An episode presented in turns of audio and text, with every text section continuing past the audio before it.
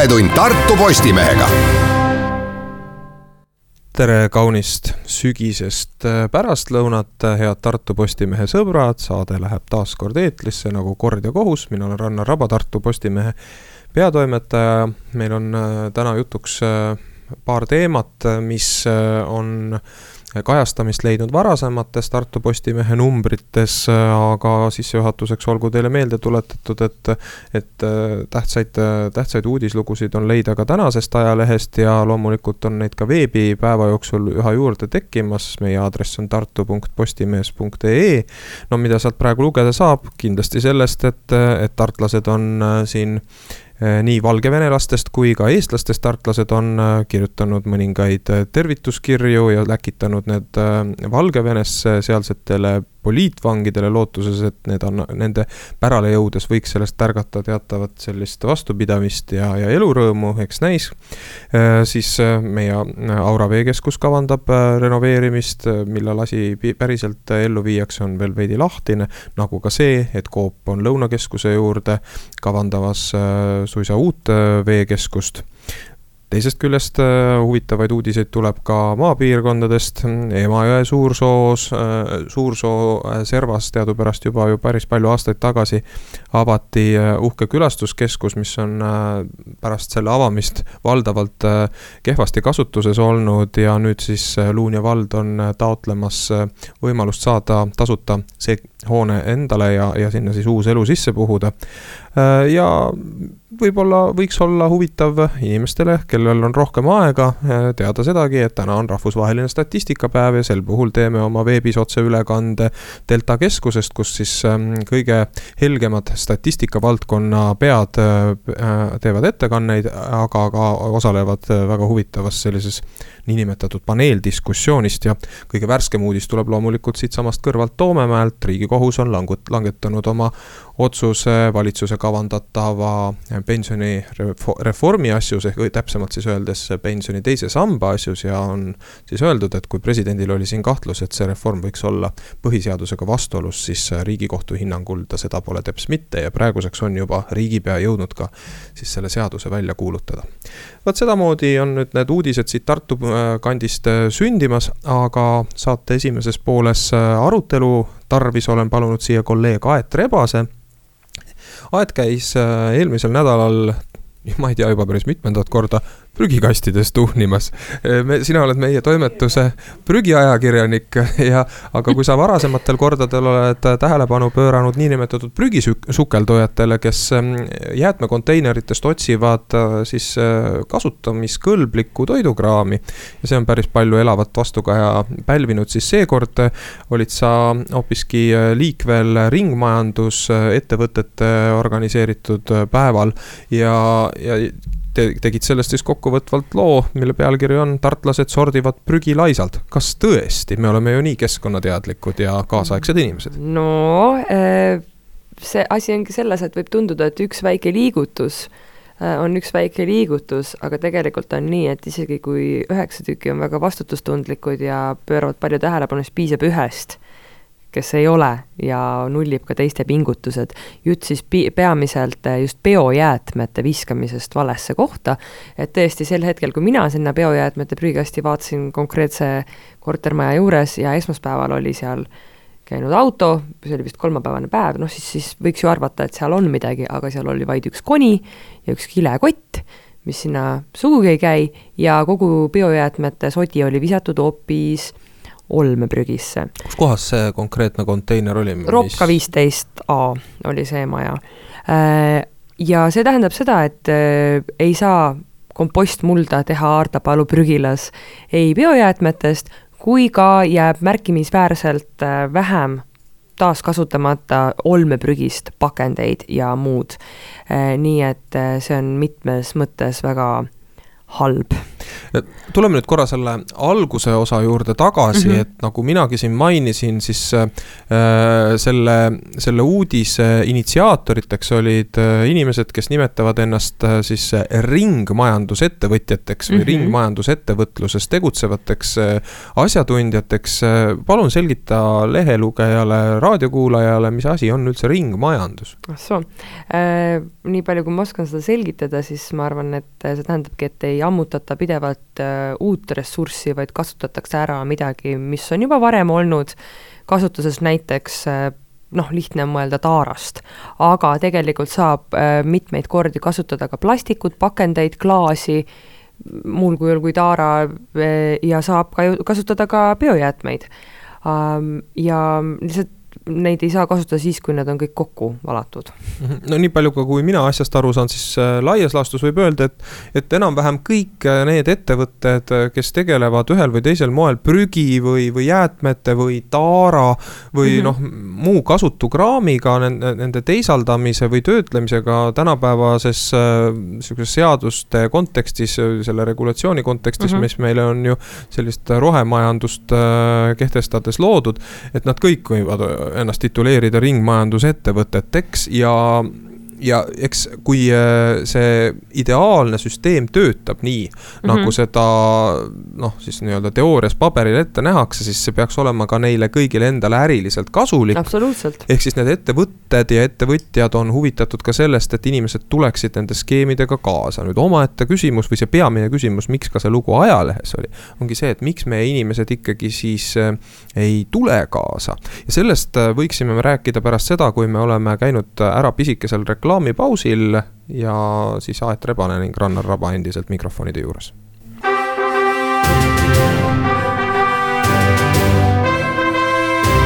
vahetund Tartu Postimehega saade jätkub, stuudios on äh, ajakirjanikud Aet Rebane ning Rannar Raba ning akna taga meie kõigi ühine sõber Lehepuhurimees. nii et kui kuulete äh, teda ka läbi eetri, siis äh, olgu see tema arvamus sellest, mida me räägime, ehkki mitte väga arusaadav. aga räägime me ringmajandusest ja sellest, miks ikkagi inimesed ei ole väga varmad prügi kodus sorteerima.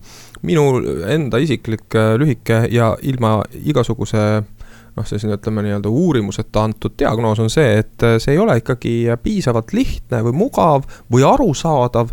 Äh, kõik inimesed ei ole hooletud või ütleme siis ükskõiksed keskkonna suhtes ja kui neil see, see süsteem, äh, mis, mis vaatab vastu siis ütleme kõigepealt nende enda kraanikausi all, aga ennekõike seal, kas siis kuskil maja otsa juures või kaubanduskeskuse kõrval või kus iganes. et kui see on lihtne ja arusaadav, siis ma pakuksin, et neid sortijaid peaks olema palju rohkem mm. -hmm. midagi seega on ikkagi tehtud ka seni valesti, ehkki äh, jäätmete sortimise süsteemi on Eestis ja Tartu ei ole siin ju kuidagipidi erandlik, äh, rakendatud juba noh, mitte sugugi üks-kaks aastat, vaid varsti pea kakskümmend aastat mm. -hmm. ma arvan, et minu väga nagu lihtne diagnoos on see, et see on tüütu. et eh, just biojäätmeid, mis puudutab, sest need lähevad haisema ja see on rõve ja sügisel tulevad äätikakärbsed ja lihtsam on lihtsalt kokku visata ja lahti saada sellest prügist, kui kuidagi eraldi mingisse pange korjata need banaanikoored ja kuskile mujale midagi eraldi ja need konteinerid on sageli tegelikult kaugel. nii et see on inimestele eraldi ettevõtmine, saada sellest prügist lahti.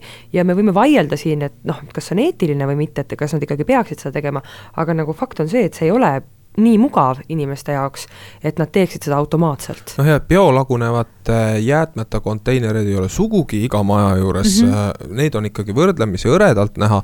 ja teine asi on see, et noh, see on nüüd kõik selle sortimise juures kõige tüütum valdkond tõesti just nendel samadel põhjustel, mis sa rääkisid mm. -hmm. et äh, kui sa ikka need õunasüdamed endal sinna ühte ämbrisse kusagil kööginurgas viskad või, või kraanikausi all või kus siis iganes kellelgi kombeks on, äh, siis mm, -hmm. siis need kipuvad tõesti seal väga kergelt kergesti riknema ja neid tuleks väga äh, sagedasti välja viia. sa ei saa neid eraldi äh, sulgeda ka kilekoti sisse, sest sa ei tohi neid koos kilekotiga, ma saan aru, ei tohi visata biolagunevate jäätmete konteinerisse. nüüd äh, öeldi mulle seal ringkäigul et noh, et tegelikult võib kilekotiga ka, aga see lihtsalt käib ka nii-öelda selle terve võistlusega nii-öelda vastuollu, et oot, oot-oot-oot, et millise kilekoti, kas siis biolagunevaga või millisega, et aga ma saan aru, et mingisugused kilekoti variandid on tegelikult lubatud, aga see on ka noh, selline peenhäälestamine, nii palju nüansse, mida tuleb meeles pidada, et et kui see ei tule lihtsalt inimesel ja see ei, kuidagi ei käi loomulikult, siis noh, siis ei hakata isegi uurima seda mm,. tõepoolest, et siin siis me peame resümeerima kõigepealt vist äh, seda, et, et ikkagi nendel ettevõtetel ka, kes sul olid selle loo kirjutamisel allikaks, on äh, noh, päris palju arenguruumi ses osas, mis on inimestele informatsiooni kohaleviimine. aga ikkagi, et äh, kuidagi see see konteinerimajandus iseenesest on ka selline väga eklektiline meil, et mm -hmm. ma olen näinud tunnistan, et enam ei mäleta täpselt, äh, kus riigis ma seda silmasin, aga oli väga nagu üheselt lahendatud erinevates linnades, erinevates linnaosades, sõltumata sellest, milline operaator parasjagu jäätmekäitlusega selles linnaosas tegeles ja mul ei ole ühtki põhjust arvata, et seal tegeles ainult üks mm. -hmm. et mhm. kindlasti neid oli ka rohkem, et siis oli alati teada, et paberikastid on igal pool punased, noh piltlikult öeldes mm, -hmm. ma ei mäleta, kas nad täpselt nii olid. paberikastid olid punased, äh, biolagunev jääder roheline, sinine on siis mingi plast ja, ja ja mm, -hmm. ja, ja pakendid ja noh, küllap veel mingisugused variandid, et selline hästi selge, üleriiklikult igal pool üheselt rakendatav äh, süsteem peaks olema selle alus, mis inimesi käivitab. et ei teki mingit äh, kõhklust isegi, sest et minu arvates meil on küll erinevad osades kohtades on kollased, mõnes kohas on mõned lihtsalt mustad ja nii edasi, et noh, iga kord peab siis lugema sealt pealt, et mis, et kas ma siia nüüd võin oma pakendi panna või ahaa, ei, siin on metall, oota, kas ma metalli võin, noh, et, et jah, et ei ole lihtsust, ühtset ja lihtsat no, metall vist on äh, peamine noh, ütleme siis jäätmete liik, mida inimesed tahavad äh, ära viia, kui sul noh, korteris on küll keeruline metalljäätmeid kuhugi koguda, aga noh, mingi keldriboks võib-olla mm -hmm. ikkagi on. Äh, ja noh, ega siis korteris seda metalli ka väga palju üle ei jää, seda, sellega vaatavad vaatavad rohkem silmitsi need, kellel on suurem isiklik krunt äh, majandada.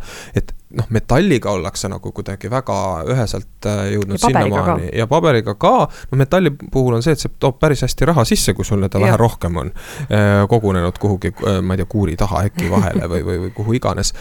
ja paberiga on ka, sest paber on hästi lihtne, samas ma olen ka, ma tean ühte, ühe oma konkreetse sõbrannaga vaielnud, tema näiteks äh, on mulle kuulutanud suurt tõde ja mina nüüd ei tea, kas see vastab tõele või mitte, et näiteks pitsakarp, papi, papi sekka sekka panna ei ole lubatud.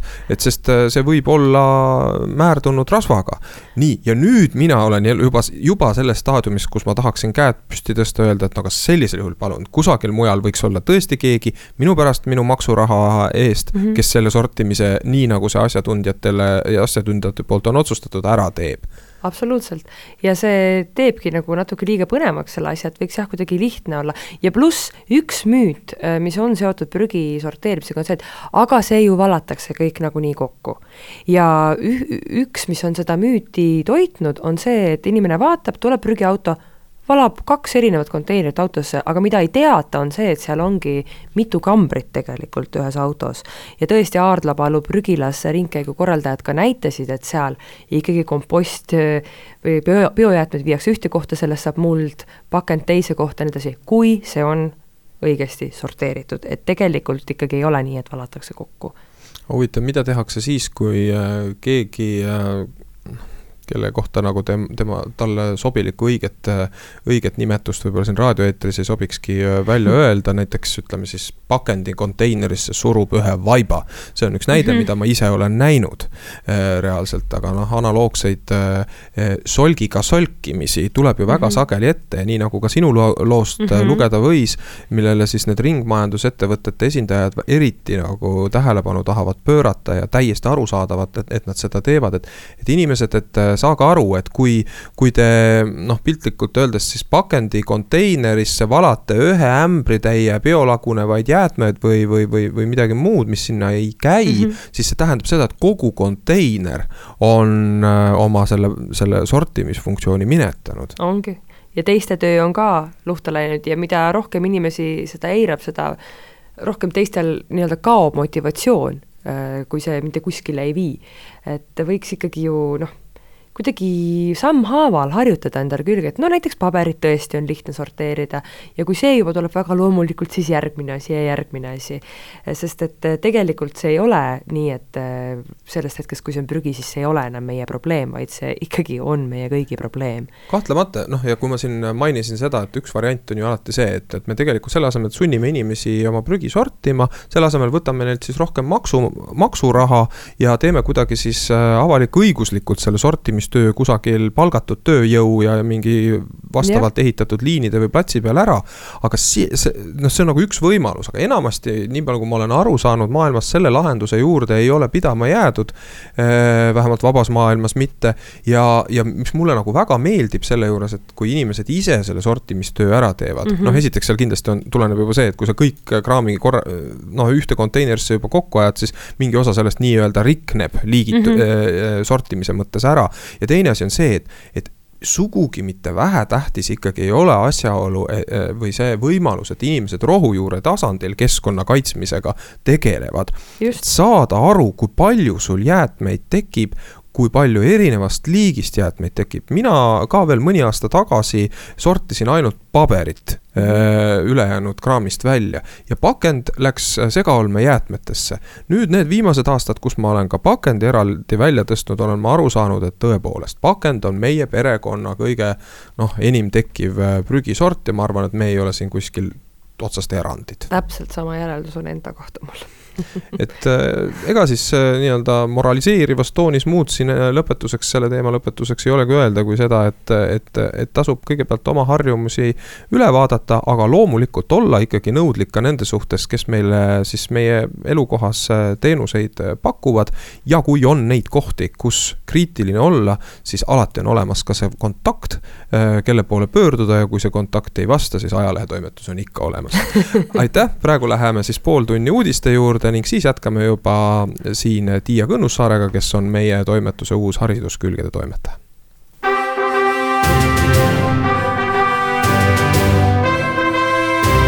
vahetund Tartu Postimehega. tere tulemast tagasi, mina olen Rannar Raba, Tartu Postimehe peatoimetaja ja saate teiseks pooleks olen enda külaliseks palunud Tiia Kõnnussaare, kes on kirjanik, toimetaja ja ajakirjanik ja täna siin me selles stuudios siis ennekõike ajakirjanik peab täpsemalt siis seletama, et vabakutseline ajakirjanik, kes on heaks koostööpartneriks nüüd asunud Tartu Postimehe toimetusega. Tiia, sina oled see, kes äh, hakkab edaspidi äh, vähemalt mõneks ajaks nüüd koostama meie äh, ajalehe hariduskülgi. valet ma siin ju ei räägi, eks ole? tere, kõik on õige kutsusin su siia toimet-, äh, siia äh, raadiotoimetusse, ajalehetoimetuse asjadest rääkima eeskätt sellepärast, et, et äh, lehelugejal, kes raadiost ka meid kuulab, oleks võimalus pisut täpsemalt tuttavaks saada nende plaanidega, mis meil sinuga koos on seatud või õigemini, missuguseid plaane sa ise sead. seepärast ma usun, ei ole sugugi üleliigne ka praegu küsida, et, et hariduse valdkond põhjenda veidi, miks on see just see valdkond, milles sa tunned ennast olevat kuidagipidi alarmeeritud siis erinevaid teemasid otsima ja kirjutama, miks sa tulid üldse ise meie toimetusse selle mõttega. sest äh, see on eriti tänavu, tänuväärne selle koostöövormi juures, mis me sinuga oleme nüüd sisse seadnud, et initsiatiiv tuli sult endalt ja kui inimeses endas on initsiatiiv, siis on seal kindlasti ka olemas sellist äh, põlemist ja, ja siirast huvi ehm, jah, et selle hariduse teemaga on nii, et äh, esiteks ma olen kahe poja ema ja olen kakskümmend neli aastat järjest iga sügis oma lapsi kooli saatnud. ja teiseks ma töötan Tartu Ülikooli eetikakeskuses, mis on hariduse teemadega ka otsapidi seotud, nimelt on meil päris äh, suur äh, programm, mis äh, mille abil me toetame siis koole ja lasteaedu väärtuskasvatuses. aga konkreetselt selle teemaga ja Tartu Postimehe toel tegelema ajendas mind järjest süvenev ja häiriv tunne, et et äh, me oleme ühiskonnana kuidagi mm, Nõukogude okupatsiooni ajast kaasa võtnud sellise äh, hoiaku, et, et inimesed, sealhulgas ka lapsed, peavad kõik olema ühesugused, ühtviisi hästi hakkama saama. ja, ja see suhtumine inimesse ja lastesse on ka kuidagi väga jäik ja normeeriv. ja, ja seda võib märgata kas või sellestki, et et kui noorem põlvkond julgeb oma arvamust avaldada või, või enda eest seista, siis neid nimetatakse otsekohe lume, lumehelbekesteks. ja, ja, ja millegipärast arvatakse, et nõukaajal selliseid lapsi ei olnud, aga tegelikult äh, lapsi, kellel olid kas hariduslikud erivajadused või, või lihtsalt õpiraskused, et neid ei olnud, aga tegelikult oli ka nõukaajal kõike, oli koolikiusamist, oli koolivägivalda ja ja, ja oli ka sildistamist, et ma mäletan oma kooliajast, et meie klassis oli üks poiss, kes oli minu meelest väga sõbralik ja hea südamega, aga ta oli pärit üsna vaesest kodust ja, ja tema hinded ei olnud suuremad asjad ja võib praeguste teadmiste kohaselt ka oletada, et, et ta oli ehk mm, aktiivsus- ja tähelepanuhäirega ja, ja tagantjärgi mõeldes on mul väga kurb, et, et seda poissi keegi õieti ei märganud ega ei, ei toetanud. ja, ja selles ja just äh, mõeldes sellele üldisele foonile, ma kuidagi mõtlesin, et võiksin oma artiklitega olla mm, natukene sellises valgustusaja rollis ja, ja tuua lugejani pildi sellest, kui kui mitmekesine ja kirev on see maailm meie ümber ja kui keeruline ta on ja sealhulgas ka on ka kõik need lapsed, äh, kellel on mingi hariduslik erivajadus. ja et see ongi okei okay.. ja samas oleks minu arvates ka väga vajalik leevendada survet nendele lapsevanematele, kellel on see haridusliku mm, erivajadusega laps kodus ja julgustada neid abi otsima. et et minu meelest me ikkagi peaksime jõudma ühiskonnana sellisesse seisu, kus äh, mis tahes erivajadused ei ole mitte häbiasi, vaid täiesti normaalne osa äh, elust, see ongi elu. ja meil tuleb õppida üheskoos sõbralikult ja rahumeelselt edasi eksis-, koos edasi eksisteerima mhm. meie vestluse teises pooles tahaks pisut täpsemalt minna nüüd äh, selle loo juurde, mis meie lehes läinud reedel sinu sulest trükivalgust äh, leidis ja see puudutas siis ühte, ühte noor, noormeest, ühte poissi, kes oli Tartusse elama kolinud äh, ja kellel oli siis äh, aktiivsus tähelepanu, või no on, tuleb siis öelda, aktiivsus tähelepanu häire ja kuidas siis see, see uude õpikeskkonda või uude koolikeskkonda sisseelamine sugugi lihtsasti tema jaoks ei läinud ja loomulikult ennekõike ka tema vanemate või ema jaoks. sellest räägime pisut täpsemalt hiljem, aga kui sa nüüd mõtled natuke nendele teemadele, mida sa kibeleksid kõige rohkem veel puudutama, kui nüüd spetsiifilisemalt läheneme, siis kas sellele aktiivsus, tähelepanuhäirega toimetulemisele või mittetoimimisele lisaks on veel, mis sulle tundub nagu praeguses koolikorralduses eriti noh, selline silmapaistev häda olevat? ja üldse mitte võib-olla kellegi süül, vaid selle tõttu, et oskusi või inimesi ei jagu. no mulle tundub, et äh, asjad lähevad paremaks. Ja mis on eriti tore, on see, et, et räägitakse päris palju nendel vaimse tervise teemadel, et ma, päris ei saa öelda, et kõik oleks koolides väga halvasti, aga, aga ikkagi, mis mulje mul jäi seda artiklit kirjutades, oli see, et et koolid on mõnevõrra hädas, neil oleks vaja rohkem rahalist ressurssi, neil oleks vaja rohkem tugispetsialiste, kellest me teame, eh, keda on üsnagi raske leida, sest neid lihtsalt tuleb ülikoolidest liiga vähe välja. et lastega tegelemine on väga keeruline teema ja, ja mitte kõik ei, ei jaksagi äh, seda tööd teha. Mhm. ja see ei ole ka mulle isiklikult väga võõras teema ja ma tean väga hästi sellest, kuidas, kuidas äh, üks asi on see, kuidas kool võib äh, ühe või teise õpilase erivajadusest aru saada, sellega leppida õppida. Ehm, selle noh, õpetajad ei pruugi olla nii-öelda mm, noh, nii-öelda külmalt tigedad või ükskõiksed selle suhtes, kui äh, ühel või teisel poisil või tüdrukul on, on, on tarvis teistsugust lähenemist, neid ei tembeldata enam tänapäeval niisama automaatselt äh, pahadeks lasteks, nagu see võib-olla sinu poolt mainitud nõukaajal oli. aga siis sealt alates, kust on tekkinud mõistmine, jääb loomulikult vajaka siis ma ei tea, kas see on otseselt raha küsimus või ikkagi ennekõike inimeste küsimus, et, et kui sul ikkagi ühel päeval tarvis saata keegi individuaalõppele mingis aines, siis tihtipeale on see koormus asetatud sellesama aineõpetaja Äh, õlgadele, aga millal tal siis see aeg on, kui tal tuleb nii-öelda oma normpäev ka ära teha. ja nii juhtuvadki need asjad, mis ka noh, paistab välja ka sinu sellest esimesest äh, hariduskülje loost meie, meie ajalehes, äh, kus siis aktiivsus tähelepanuhäirega noormeest vähemalt ühes aines kohustati tulema kooli teistest lastest pool tundi varem, mis seda konteksti arvestades kõlab isegi väga jaburalt või siis, et tema päevad kasvavad jällegi teistpidi väga pikaks ja kui me asetame tema noh, selle erivajaduse siia kõrvale, siis me saame aru, et see tahe võib olla küll väga hea, aga, aga neid võimalusi, kuidas seda lahendada, ei ole.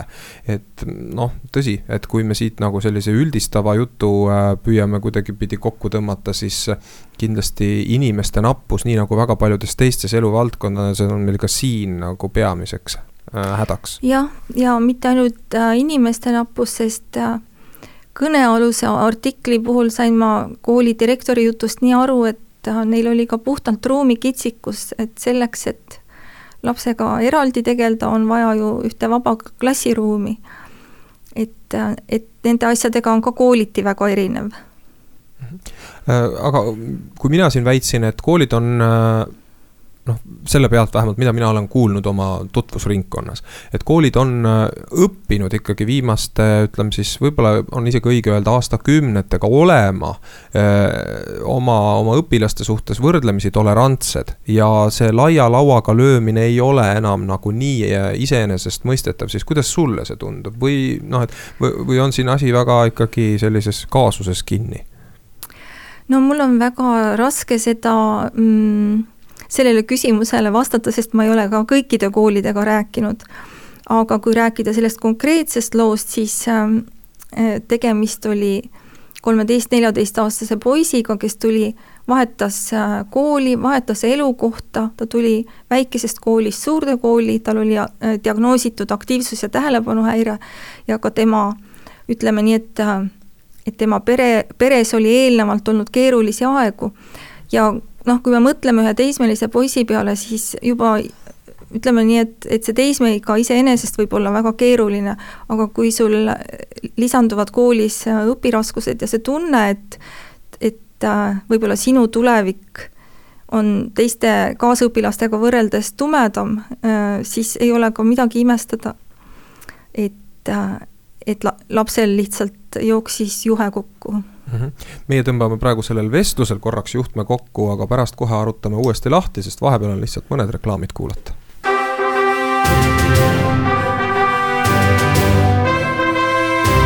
vahetund Tartu Postimehega stuudios endiselt Rannar Raba ning Tiia Kõnnussaar ning jätkame hariduse teemadel ja isegi täpsemalt öeldes siis hariduslike erivajaduste teemadel, mis johtuvad siis sellest teadmisest, et Tartu Postimehe vahel on taas hakanud ilmuma haridusküljed ja Tiia on nüüd mõneks ajaks meie koostööpartnerina nende toimetaja. selle sinu esimese loo pealkiri, mis ilmus eelmisel reedel ja osutus läinud nädala üheks loetavamaks looks üldse veebis Äh, pealkiri oli Mis juhtus päikesepoisiga uues koolis. noh, see võtab minu meelest päris äh, hästi kokku selle, mida, mida sa siin siis äh, ka kirjeldasid. aga hakkame otsast pihta, et kuidas see lugu sinuni üldse jõudis ja miks see sinu tähelepanu pälvis, kuivõrd selles on tavapäratut või tavalist? see jõudis minuni niiviisi, et üks mu sõber kurtis mulle sellise frustreeriva loo üle, millega ta tööalaselt kokku puutus ja see oli seesama lugu ja siis mulle tundus, et sellest peaks ilmtingimata kirjutama, sest äh, kui õpilane jääb nii hätta, et äh, et ta jõuab suitsiidikatseni, siis peaksid, peaksid kõikidel häirekellad lööma hakkama ja, ja me võiksime mõelda, mida teha, et selliseid äh, asju vältida. Ehm, selle loo kirjutamise käigus ma rääkisin poisi emaga, rääkisin kooli direktoriga, kohtusin Hariduse Tugiteenuste Keskuse juhataja Anneli Võsastega ja küsisin kõrvalpilku Tartu Luterliku Kooli direkt-, ähm, õppejuhilt Triin Käpalt. ja, ja see pilt, mis mulle välja koorus, on selliste keeruliste juhtumite puhul üsna tavaline. et äh, kõigil asjaosalistel on olukorrast oma nägemus ja, ja loomulikult selles see konflikt ongi, et kui, kui inimesed asju täpselt ühtviisi näeksid, siis me võiks juba paradiisis elada. aga mina ei tahtnud autorina võtta kohtumõistja rolli, vaid püüdsin siis äh, kirjeldada, kuidas probleemide kuhjumine võib traagiliste tagajärgedeni viia. ja kui ma erinevate inimestega rääkisin, siis ma sain aru, et iseenesest on kaasava hariduse idee väga ilus. Et see tähendab, et riik annab oma suure panuse, et äh, need lapsed, kellel on hariduslikud erivajadused, et nad saaksid õppida äh, kas tavakoolis ja sellisel juhul nad saavad siis piisavalt toetust, et oma haridusteed läbida, või nad äh, õpivad mõnes sellises koolis, mis ongi erivajadusega laste haridusele pühendatud ja sel-, ja seal on siis selleks välja õppinud inimesed. aga praegu tundub mulle selle loo põhjal, et tõesti, et meil see ideoloogiline pool on nii-öelda kenasti paigas, aga, aga materiaalne reaalsus ei taha hästi järgi tulla, nagu me sellest ka just enne rääkisime. et koolidel ei ole sageli piisavalt tugispetsialiste või võimalust neid palgata. aga et see ei pea ka ilmtingimata ju nii olema, et näiteks Soomes on haridusse sisse arvatud äh, tugiõpetaja olemasolu, kes on, on siis kas klassis, kui äh, mõni erivajadusega laps abi vajab, või on tal ka võimalik eraldi ruumis temaga individuaal, individuaalselt tegeleda.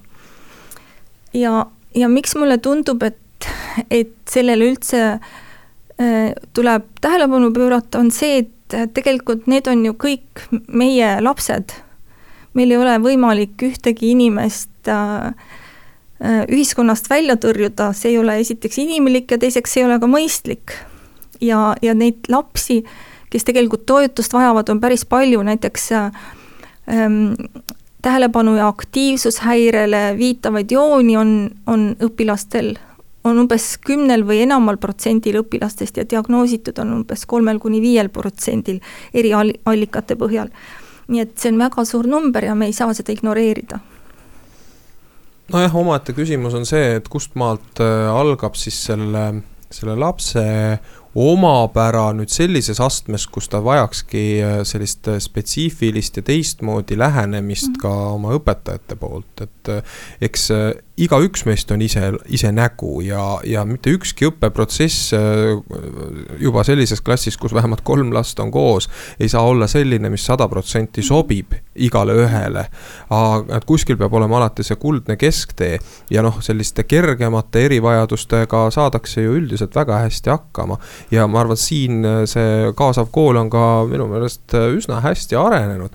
aga noh, omaette küsimus on see, et kuivõrd äh, vanemad ise äh, kodus ja õpetajatega suheldes tunnevad ära selle momendi, kus on selgeks saanud, et nende laps vajaks äh, teistsugust äh, lähenemist, et kas nad siis oskavad seda nõuda ja kas nad oskavad minna seda, seda, seda otsima, kas nad teavad, kus need spetsialistid asuvad, kui seesama võib-olla klassijuhataja või koolidirektor neid ei aita?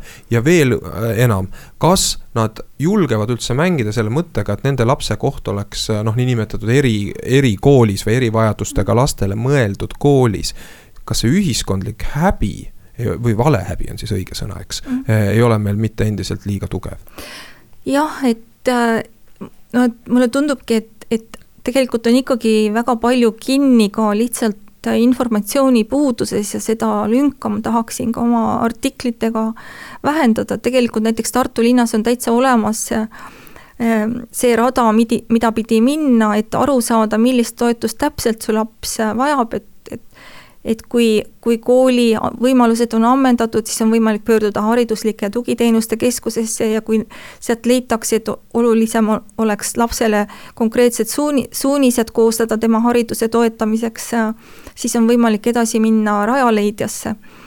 Aga tõesti, see ongi nii, et esiteks vanemad ei orienteeru selles bürokraatlikus rägastikus ja, ja teiseks on äh, ütleme nii, et et need äh, jutud kaasavast haridusest on viinud ka selleni, et vanematel on ootus, et nende laps võib äh, tavakoolis õppida ka siis, kui tal on mingisugune mure, aga aga see ei pruugi ka alati olla kõige parem variant, et äh, et tegelikult Tartu on õnnelikus seisus ka sellepärast, et meil on ju kolm sellist kooli, kus et lapsed saavad spetsiifilist abi, kus on väga suurepärased ähm, eripedagoogid ja, ja ja mõnel puhul on hästi oluline just see, et laps leiaks selle talle sobiva keskkonna ja sobiva toetuse.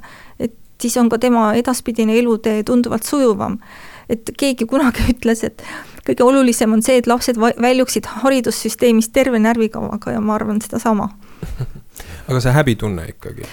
on see, seda liiga palju? see häbitunne tuleb sellest äh, topeltsurvest, et meil on, meil on ühiskonnas edukultus et, et ühiskond survestab vanemaid, et nad peavad olema edukad, vanemad survestavad lapsi ja kooli ja koolid äh, omakorda survestavad lapsi, nii et see vaene laps jääb selle topeltsurve alla ja, ja see ei peaks nii olema noh, et siin on see mõõdutunde küsimus jälle, nii nagu kõikides teistes äh, valdkondades.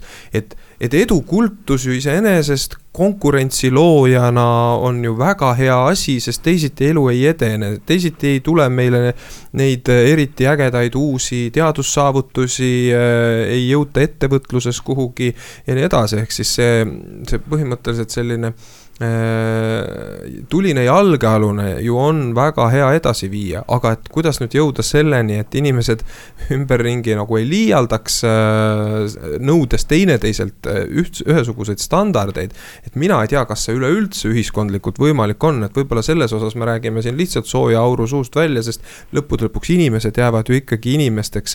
ja, ja noh, me peame lihtsalt tõdema, et varem või hiljem üks või teine konflikt kusagil lahvatab ja seda loomulikult ka koolis nii, meie aeg on kahjuks nüüd siin ähm, otsakorrale jõudmas, aitäh, Tiia, et tulid ja pisut äh, väga põgusalt küll äh, valgustasid äh, oma, oma senist kogemust ja edasisi plaane, soovitan kõigil siis ähm, neid külgi kaks korda kuus Tartu Postimehest otsida.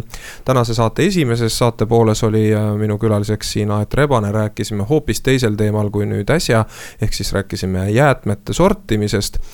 loodetavasti samavõrd mitmekesine saab olema ka meie järgmine saade, aga see on sinna on veel aega peaaegu nädal aega, nii et olete teretulnud taas kuulama, mina olen Rannar Raba, tänan teid.